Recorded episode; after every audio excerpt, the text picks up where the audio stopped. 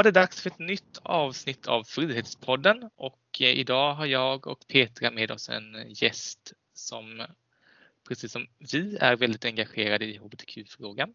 Eh, det är Deidre Palacios från RFSL. Välkommen Deidre!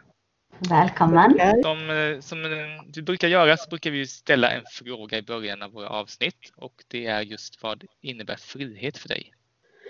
Ja, frihet är ju någonting man inte kan ta för givet. Och för mig, jag kopplar starkt det med eh, demokrati och demokratiska värden och också rättigheter. Um, så att för mig är det någonting som är en viktig del uh, av en människas liv. Um, men som inte alla har tillgång till. Um, och som vi måste kämpa för. Alltså jag drivs ju väldigt mycket för att arbeta för andra människors frihet. Eh, mina föräldrar hade ju inte det till exempel för de, de kom från ett land i diktatur. Så att för mig det, känns det väldigt viktigt att ja, men, odla demokrati och demokratiska värden som ger ja, men, människor handlingsutrymme och makt över, över sina liv. Um, och att faktiskt kunna leva precis som man, man är och, och vill eh, inom de här demokratiska värdena. Ja, alltså vi ser ju att det finns ju en eh, det finns ju krafter runt om i världen som gärna ser minskade demokratiska möjligheter. Så, att, så frihet blir ett viktigt begrepp kommande tid i hela vår värld skulle jag säga. Mm. Ja, absolut. Jag tänkte att du skulle få berätta lite vad man gör som förbundsordförande på RFSL. Ja, som förbundsordförande så har jag ju flera olika uppgifter. Ehm, en uppgift är ju att, att vara talesperson för RFSL och att driva våra frågor gentemot ja, men allmänheten, media, politiker. Och grunden i vårt förändringsarbete är ju att ja, men, i mångt och mycket förändra ja, men, olika lagstiftningar som drabbar hbtqi-personer negativt. Ehm, det kan vara myndighetsutövning som också drabbar eh, hbtqi-personer negativt, att upplysa politiker och allmänheten om, om det här och också kunna titta på vilka förändringar som skulle kunna komma till eh, för att göra det. Och sen så är det ju självklart andra delar som att eh, leda styrelsens arbete och verkställande utskottets. Och vi har ju också 37 avdelningar runt om, om i landet som är ja, men en viktig del av, av RFSL som som är också viktigt för mig att inkludera i, i, i vårt arbete. Så det är ett väldigt spännande uppdrag eh, och väldigt komplext också faktiskt. Men det är en fantastisk ära att kunna eh, jobba med förändringsarbete. Så det, det är en ära faktiskt. Det låter onekligen spännande. Mm. Ja, alltså förändringsarbete är ju tufft och jobbigt, men det är ju oftast det som man kan titta tillbaka på och känna sig väldigt stolt över när man har lyckats genomföra en förändring eller drivit utvecklingen. Så att, eh, jag förstår att du har ett, ett givande arbete. Mm. Om vi ska börja prata lite om Öppna Moderater och RFSL. Eh, vi har varit inne på det här lite tidigare i ett annat avsnitt där vi hade Sören Juvas med oss.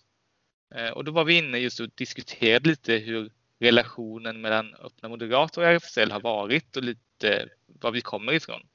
Mm. Och eh, vi har ju tidigare kanske inte alltid upplevt att vi har jobbat, jobbat ihop i frågeställningarna. Eh, men det måste jag säga, jag upplever vår relation med RFSL nu väldigt, väldigt positiv. Och det finns ett intresse från båda sidorna att hitta gemensamma frågeställningar och, eh, och saker att driva. Men mm. vad, vad, skulle du säga, vad tror du beror på att vi har kanske inte alltid jobbat så bra ihop? Det är ju en bra fråga. Jag är inte helt säker på det. Jag vet ju att när jag i alla fall blev vald som ordförande så är det ju liksom väldigt viktigt för oss att kontakta men alla hbtqi-politiska nätverken och, och diskutera men, olika frågor man kan eh, arbeta gemensamt kring, också nätverka. Så att det är ju en viktig del av vårt arbete. Ehm, men sen så har jag förstått att ja, det inte alltid har uppfattats så. Ehm, men jag är inte helt säker på vad det beror på faktiskt. Om det har varit men, relationer eller ja. Vet du någonting om det Kim? Nej, jag vet inte heller riktigt. Alltså, det finns ju en, det finns ju en, en bild av att RFSL inte är en opolitisk verksamhet, men, men det, det är ni ju och jag undrar om det kanske har funnits ändå tillfällen när man har haft motsättningar till varandra på grund av partipolitiska åsikter och man har trott saker om varandra helt enkelt som kanske inte eh, har varit något belägg för. Mm. Alltså jag tänker att det enda partiet vi inte samarbetar med det är ju Sverigedemokraterna.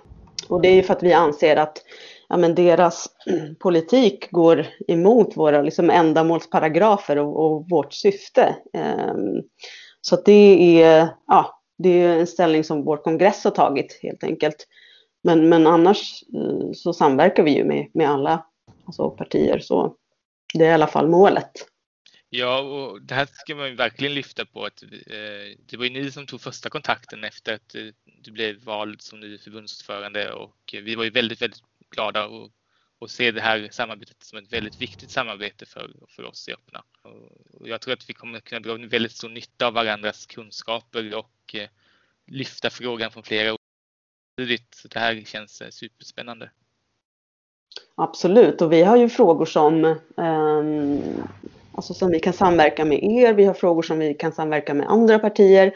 Men vårt mål är ju att ja, men, förbättra rättigheter för hbtqi-personer. Eh, och det är ju ett mål som jag och vi tar på väldigt stort allvar. Och det är självklart att vi är väldigt tacksamma över att ja, hbtqi-politiska nätverken finns och kan driva den här politiken inom sina partier. Det är ju en jätteviktig funktion. Eh, så det, det ja, det, det, är viktigt, det, det arbetet ni gör.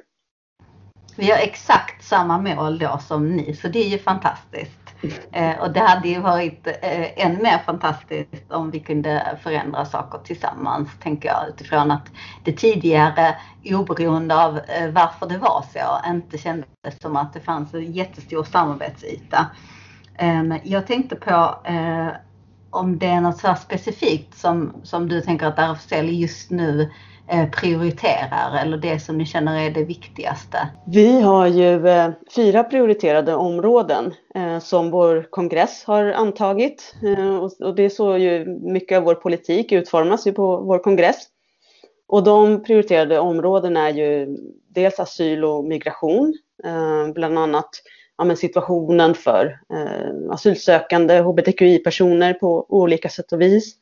Det är familjefrågor. Ehm, hur, för idag har vi en lagstiftning som eh, premierar liksom hetero cisnormativa tvåsamhetsfamiljer eh, kan man säga.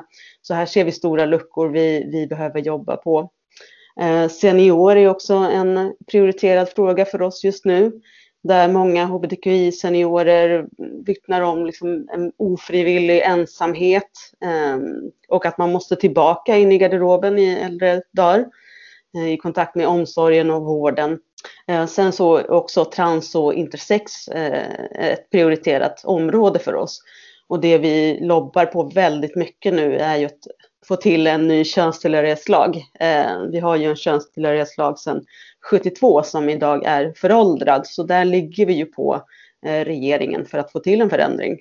Ehm, men, men vi har liksom ett brett spektra av, av frågor som vi eh, bedriver och som vi anser vara ja, men mest prioriterade just nu. Ja, det är områden som vi känner igen, som vi också diskuterat inom, inom vårt arbete. Och eh, Eh, jag kan till exempel bara lyfta den här med den eh, seniora eh, seniorerna där. Att vi hade ju ett, ett möte med RFSL tidigare i sommar där jag hade med mig min ordförandekollega som är ordförande för Moderata seniorer plus vår riksdagsledamot Ulrika Heindorf som sitter i socialutskottet.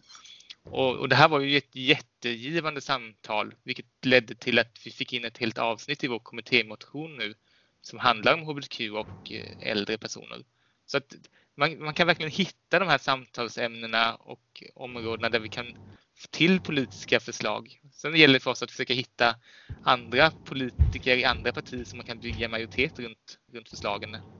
Eh, och det är ju det är en viktig del för att kunna verkligen få till förändringen. Mm.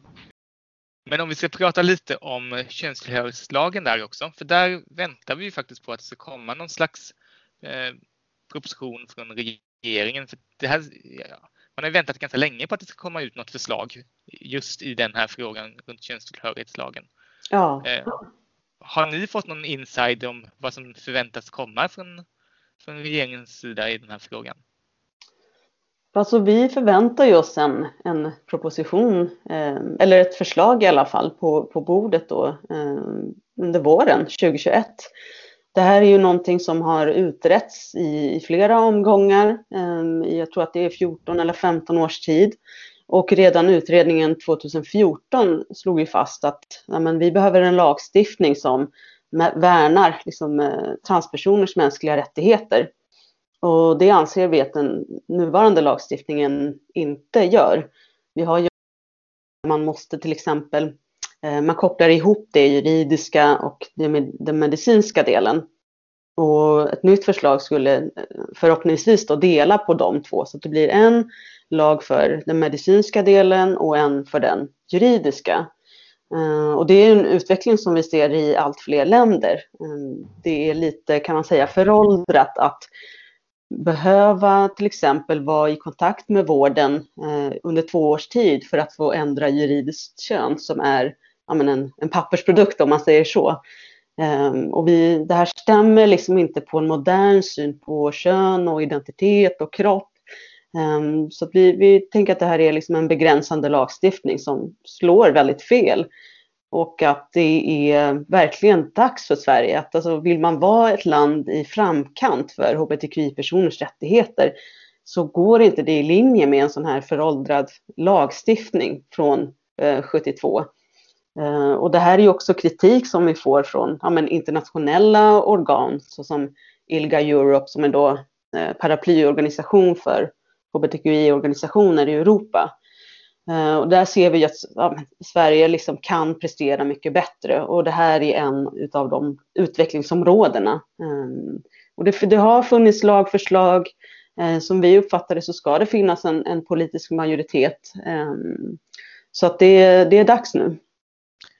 Ja, det, det, här är ju en av de frågorna som gör att vi tappar i rankingen om man jämför oss med andra länder i, i Europa. Mm. Det kanske inte är så att, alltså det är inte så att vi försämrar vår lagstiftning. Det är bara det att alla andra går om oss. Alla andra tar mer moderna lagstiftningar nu och vi står kvar och stampar i någon gammal produkt från 70-talet. Mm. mm. Eh, så det, det här... Mm, ja, nej, det är väldigt, pratar vi i mun på varandra också lite, det får man göra. Um, det är väldigt märkligt det där. Vi var ju i framkant en gång, men det tog slut där någon gång efter liksom början på 80-talet. Sen har vi liksom stått kvar på samma ställe men, men det är ändå så här, åh, vi är så, eh, vi är så mycket i framkant med allt, men det är vi verkligen inte. Så den här lagen, eller det här förslaget som vi hoppas kommer eh, väldigt snart, det ser vi också fram emot väldigt mycket kan jag säga. Det är en, en fråga som vi också har jobbat väldigt mycket med. Ja, och det är också en fråga som även vi stöter och blöter i, i, inom Öppna Moderater i hur vi står till eh, olika åldersgränser och liknande. Och det här kommer behöva vi kommer behöva få ett förslag att ta ställning till mm. för att kunna ta vidare våra diskussioner internt också för att landa i ett, i ett förslag där vi verkligen kan påverka partiet också i rätt riktning. Mm. Ja absolut. Jag tänker det är svårt att ta ställning till, till liksom ingrepp och så när man är en lekman. Men, eh, men just det här med att ha, behöva kontakt med vården så länge för att få lov att äh, göra någonting egentligen överhuvudtaget. Det är helt crazy. Mm. Det mår ingen bra av. Ehm, utan vi istället eh, så ökar ju den psykiska ohälsan betydligt mycket mer. Och man ser ju att ehm, inom liksom gruppen transpersoner och icke-binära eh, så är de ju väldigt överrepresenterade inom all statistik när det kommer till psykisk ohälsa.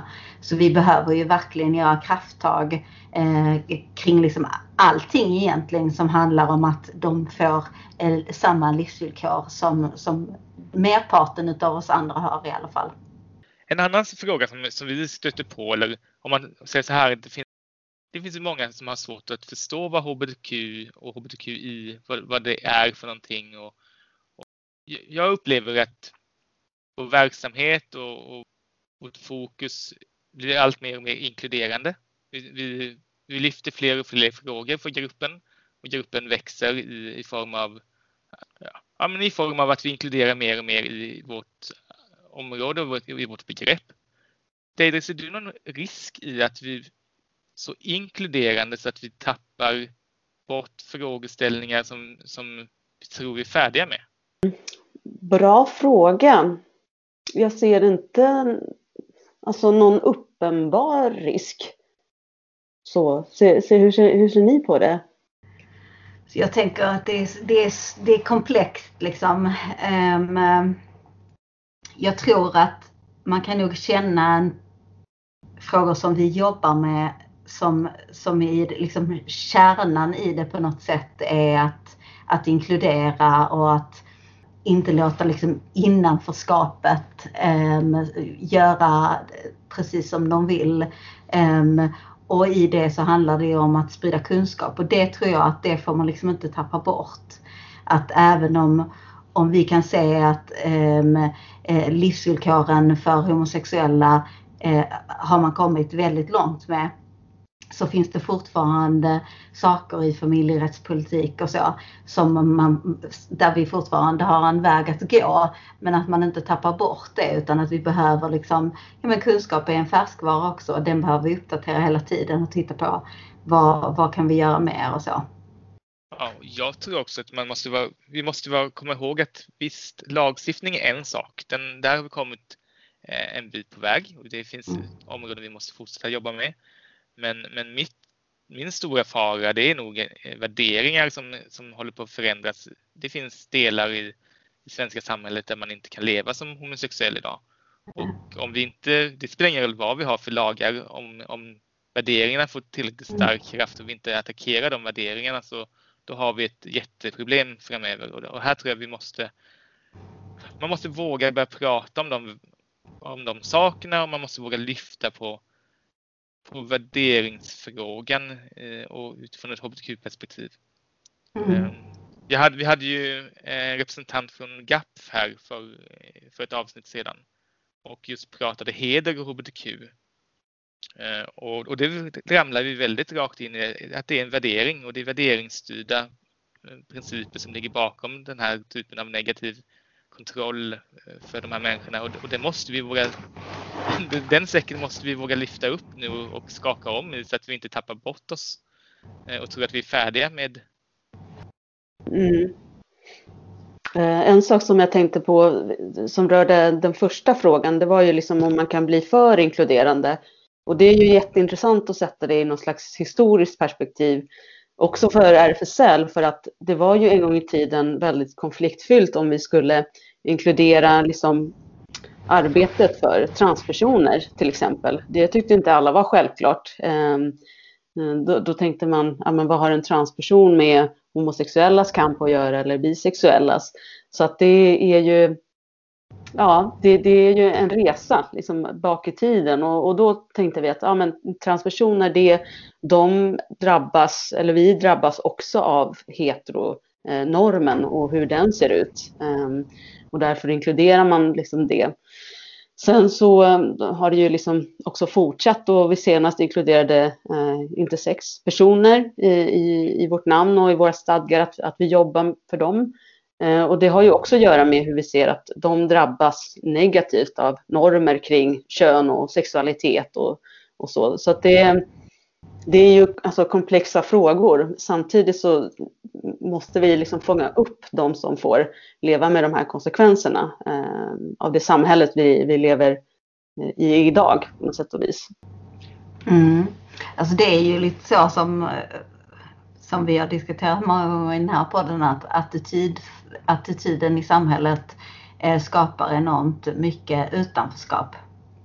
Och den det är ju en svår nöt att knäcka. Någonstans så tänker i alla fall jag att eh, attitydförändringar kan man eh, slipa bort med, med kompetens. Och då behöver vi kunskapshöja inom väldigt många delar och på väldigt många ställen. Men, men jag tror att det är det som man verkligen behöver göra. Jobbar ni eh, på RFSL kompetenshöjande gentemot någon myndighet eller kommun och så, där ni bara liksom lär ut? Ja, alltså vi har ju bland annat då vår hbtqi-certifiering HBTQ ehm, där vi har både ja, men, offentlig sektor som, som hör av sig och vill ha utbildning och privat sektor och egentligen alla möjliga som, som hör av sig för att få en sån ehm, inte bara kompetenshöjning utan också det är en process som, som vi eh, leder ehm, igenom helt enkelt. Där man får lära sig dels vad hbtqi är, eh, hur det drabbar oss ehm, och också hur man kan jobba med det aktivt, till exempel på en arbetsplats eller eh, när man utformar olika styrdokument och policies. Så att det här är ju faktiskt, och där håller jag med dig, att utbildning är verkligen ett förändringsverktyg som man kan använda sig av. Eh, så att de här hbtqi-certifieringarna är absolut en av de viktigaste delarna i vår verksamhet. Eh, att kunna förändra genom utbildning och också genom ja, hur man implementerar eh, den kunskapen man får. Ehm, och det är också sånt som vi driver i mm, den politiken vi för, till exempel att vi, vi kräver att, att uh, olika offentliga verksamheter faktiskt har en tillräcklig hbtqi-kunskap uh, för att bemöta och ta hand om personer Ehm, på ett bra sätt. Eh, ett ganska konkret exempel som har kommit upp nu på sistone till exempel är ju hemtjänsten. Ehm, och att många äldre, som jag sa tidigare också, känner att de tvingas gå tillbaka in i garderoben för att den här personalen kanske inte är kunnig eller kompetent i de här frågorna eller hur man bemöter. Eh, så det är ju till exempel en jätteviktig fråga där utbildning skulle göra en stor skillnad, tänker vi. Så därför är det liksom också ett ja, politiska krav som vi ställer då till, till våra politiker. Det borde ingå i alla sociala yrken att man har en grundkunskap i i de här frågeställningarna. Så fort man jobbar med människor så ska man, skulle man ju ha den här kunskapen med sig. För det, eh, det är ju viktigt att man ska kunna bemöta folk på ett korrekt sätt. Mm. Jo, så känns det ju verkligen. Hur många är det som har gått den här certifieringsutbildningen? Oj, det faktiskt har jag inte jag siffror på här här och nu. Det är när du ska säga alldeles för få. Okej. Inte tillräckligt många kanske vi också hade kunnat eh, säga. ja. ja, nej men det, det är ju vi, det finns ju alltid alltså, fler man kan utbilda. Vi såg ju tyvärr en, en nedgång under corona. Mm. Um, och det, det var ju klart oroväckande. Vi såg att beställningarna gick ner och det beror väl på att ja, men, ekonomin på något sätt och vis stannar upp under sådana här tider och man kanske inte vågar satsa på kompetenshöjning och annat. Eh, men precis nu börjar vi se en, en höjning igen. Då har vi ju då vårt eh, bolag eh, RFSL Medioinfo AB som, som arbetar och vi håller på att utveckla liksom vår, vår affärsmodell hur vi når fram för att, för att hänga med i ja, men nya tider, i digitalisering och annat som har på något sätt och vis påskyndats av, av corona. Eh, men vi hoppas ju att den här trenden liksom fortsätter. Eh, för att det är ju jättesynd om vårt bolag och vår certifiering är hotat till den graden att, att vi inte kommer kunna fortsätta. Så att eh, mer, mer hbtqi-certifieringar hoppas vi på och fler, fler beställningar. Ja, verkligen. Den coronapandemin har eh, satt sina spår tror jag på väldigt många ställen. Mm. Ja, och konsekvenserna av det här, det får vi väl se vad det slutar i. För jag, jag, tror att vi kommer ha väldigt många som kommer ha eh, känna sig och må ännu sämre än vad man kanske gör i en vanlig situation. Den här isoleringen har, har försatt människor i en ensamhet som är eh, ännu större än vad det var innan vi fick en pandemi på oss. Mm. Och jag tänker på alla de här människor, för vi har ju själv nu inte jobbat från kontoret utan jobbat hemifrån eh, senaste halvåret eller så. Um, och jag själv upplever det som en, ja, men, en påfrestning att, att jobba hemma varje dag, liksom sitta själv framför datorn, att inte ha kollegor runt omkring sig. Och då tänker man undra hur liksom, ungdomar, hbtq-ungdomar som kanske inte är accepterade av sina föräldrar eller eh, på olika sätt och vis liksom är utsatta, eh, att då behöva eh, ja, men vistas i, i den miljön med föräldrarna hemma kanske hela tiden eller så måste vara jättetufft. Ehm, så där tycker jag att det ändå är bra att, att man går till skolan eh, i den mån det är möjligt. Mm. Ja, absolut. Ja, jag, jag tror det har varit en jätteviktig sak faktiskt. man, kan, man kan ha mycket tankar om coronahanteringen i Sverige, men jag tror att det var viktigt att skolorna fick vara öppna så mycket som möjligt. Ja, men, men eh, det här är ett fantastiskt sätt att fortsätta diskutera våra frågeställningar och eh, från, från öppna sida så hoppas vi på en mängd tillfällen att göra saker ihop med er. Eh, jag vet att vi, vi har redan planerat in saker att vi ska fortsätta jobba tätt ihop och framförallt då när vi kommer nu till en, ett lagförslag runt eh, könstillhörighetslagen där så, så tror jag vi måste försöka slå våra säckar ihop och verkligen få ihop det på ett bra sätt. Ja, och ni är ju så viktig förändringskraft tänker jag. Bara det här senaste med eh, regnbågsflaggan eh, som togs ner. Eh, var det Hör... Hörby? Hörby, just det. Mm. Um, och att ni liksom kunde vara en, en förändringskraftig del liksom internt i, i ett parti är ju liksom oerhört värdefullt. Så det, det kändes som en fantastisk seger liksom för hbtqi-personers rättigheter. För att bakom också Sverigedemokraterna, bakom olika förslag och flaggpolicys för att ta ner regnbågsflaggor så ser vi ju också att de bedriver ganska aktivt att motverka hbtqi-personers rättigheter på lokal och regional nivå. Och det får vi också signaler från våra avdelningar till exempel att um, de inte vill ge bidrag till lokala RFSL-avdelningar eller till Eh, lokala prides och annat. Så det är ju inte bara liksom flaggan som, som står i centrum, även fast den får mest uppmärksamhet. Men det är ju också andra politiska förslag som ja, men, motverkar hbtqi-organisering och olika prides och i, i grund och botten våra rättigheter. Så att varje sån här liten seger är ju så oerhört värdefull. Ehm, Ja, absolut. Och där handlar det väl också mycket fortfarande om kunskapshöjning, kanske inte relaterat till andra partier men, men till vårt eget.